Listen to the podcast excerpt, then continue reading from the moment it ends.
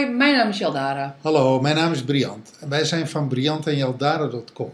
En we zijn communicatie- en relatiecoach. En dit is nummer 4 in een serie van kennismaking met systemische principes in familieopstellingen. En vandaag willen we het hebben over autonomie. Ja, en zoals jij dan zegt, de gebonden ik in de loyaliteit versus de ongebonden ik. Ja, het is mijn, eh, mijn lievelingsonderwerp. Nou, ik zou haar zeggen, shoot.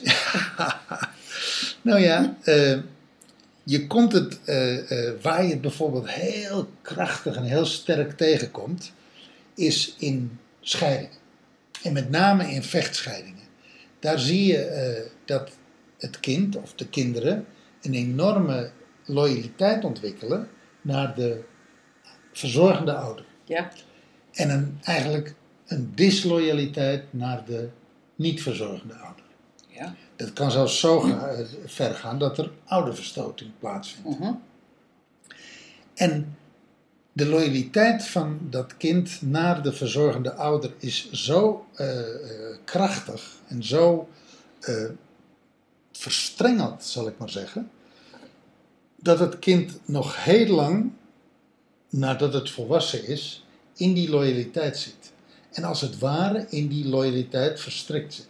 En waardoor het geen autonome volwassene wordt. Ja, wa- Dat- waardoor- zeg je dat? Dat zeg ik. Waardoor eigenlijk de, de ik van het kind, dan nu de volwassene, waarin de ik nog verstrengeld is in de loyaliteit naar de ouder.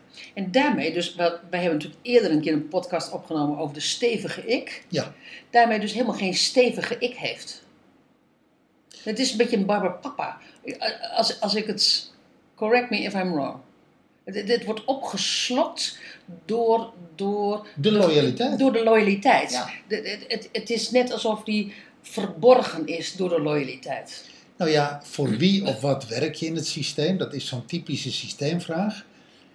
En dan werk je eigenlijk je leven lang, als je dat niet oplost, voor de loyali- loyaliteit naar de verzorgende ouder. Ja. Oké.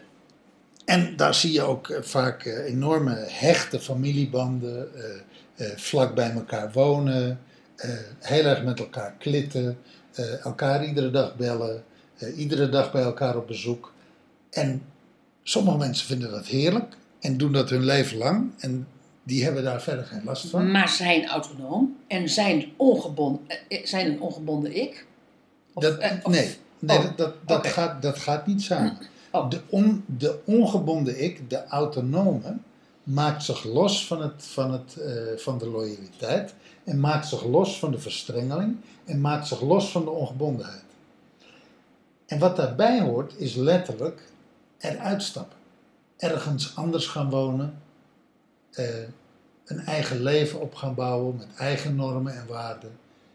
En niet het contact verbreken, maar de band is veel eh, losser en er is veel meer afstand en er is veel meer, eh, nou ja, afstand eigenlijk. Wat- Zonder dat het afstandelijk hoeft te worden. Dat kan nog steeds heel warm zijn en Mhm. heel hartelijk zijn, Mhm. maar eh, de verstrengeling is eruit.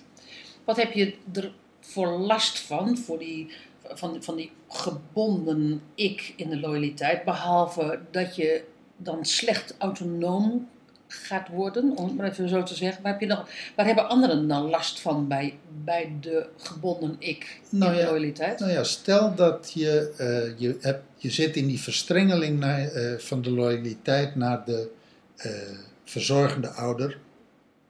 Dat hoeft niet altijd vanuit een scheiding te zijn. Dat kan überhaupt zo zijn. Dat, er een, dat er een gebondenheid is in de loyaliteit. Dus een verstrengeling, eh, gebondenheid in de ik is en een verstrengeldheid, eh, verstrengeldheid in de autonomie. En stel dat je gaat trouwen, dan breng je die verstrengeling dus in je huwelijk in. Mhm. En dat staat altijd in de weg tussen jou en een volwassen relatie met je partner. Want een deel van jou is gebonden in de loyaliteit, in de verstrengeling met iets of iemand anders in het systeem. In dit geval met je ouder. Daarmee trouwt bijna de partner dus met jou en jouw familie. Als je het zo zegt. Nou, in ieder geval trouwt jouw partner met het kind van een ander. Oh, oké. Dat snap ik. Ja. Dat is dus onder andere wat, wat de omgeving daarvoor last van heeft van de gebonden ik in de loyaliteit. Nou, dat is één. En, en, en je Kun je zult... andere voorbeelden noemen? Nee, maar dat is wel, dat is wel, eh, eh, dat is wel, laten we zeggen, dat is wel het direct, eh, die, meest direct waarneembaar. En je kan ook geen kritiek, je, je kan ook eigenlijk geen kritisch geluid over de familie zeggen. Hè? Nee, laten we zeggen, naar datgene waar je, of naar dat of diegene waar jij loyaal naar bent, eh, daar mag eigenlijk niks over gezegd worden. Nee, dat mag, dat mag niet aangekomen worden. Eh, kritisch, eh, kritische eh, opmerkingen of kritische blik of eh, nou, een neutrale blik of een, een observerende blik eh, eh, wordt slecht getolereerd. Daarmee heb je niet alleen liefdespartners, maar heb je ook dus vrienden ehm, die, op een, die tot op een bepaalde hoogte maar bij je kunnen komen. Nou, of, of, of nog veel sterker. eh, dat is ook soms waardoor families uit elkaar vallen. Eh, er zijn, laten we zeggen, er is een rij van zes kinderen. Drie zussen, drie broers. En één van die zes eh, trekt, onttrekt zich aan de loyaliteit. Gaat dus van de gebonden loyaliteit naar de ongebonden ik. Naar de, Mhm. Van de verstrengelde loyaliteit naar de ongebonden ik. Mhm. En zegt daar wat over. Kan dus opeens iets zeggen over de, ja, het geklit en over, eh, eh, vindt daar wat van. En wat je vaak ziet is dat die wordt uitgestoten. Ja, Het, het zwarte schaap. Jij, Ja. weet je, jij, jij doet niet met ons mee, dus jij hoort er niet meer bij. Ga jij maar lekker eh, in Amsterdam wonen, want daar wonen alle zwarte schapen. Ja, ja dat, dat, is, dat is inderdaad waar. Ehm, ehm, Dat maar- zeiden wij al dat toen we in Ja. Amsterdam woonden. hè. Van, eh, het leuke van Amsterdam is, alle zwarte schapen van Nederland gaan uiteindelijk naar Amsterdam om in Amsterdam te wonen. En heel vaak klopte dat ook. Ja, ja, ja, ja, ja, als die mensen die van buiten kwamen in ieder geval, Ja, dat, ja, dat, waren het het- de zwarte Ja, schapen. het is natuurlijk niet zo dat iedere Amsterdammer een zwart schaap is, maar Nee. die mensen van buitenaf die in Amsterdam gingen wonen, ja, ja, ja, dat klopt. Ja. dat zijn vaak degenen Ja. die eh, zich hadden losgemaakt uit de verstrengeling van de loyaliteit. Maar dan zie je dus ook, dat, dat, even het voorbeeld van de, van de drie broers en de drie zussen, dat is een van de kinderen dan naar de ongebonden ik gaan, dan, ehm, en die mag dus van het systeem dus inderdaad daar eigenlijk niks over zeggen, hè? Eh, over het systeem niks zeggen, dan zie je systemisch gezien ook, even doortrekken, dat die vaak ook geofferd wordt. In de zin van dat hij uit, jij zegt uitgestoten, maar dat is, ook een, dat is ook een soort offer wat het systeem dan doet, zodat het systeem weer gesloten kan raken, zodat het systeem weer heel kan raken. Klopt. Dat is nog wel een, eh, dat is gewoon een systemische principe.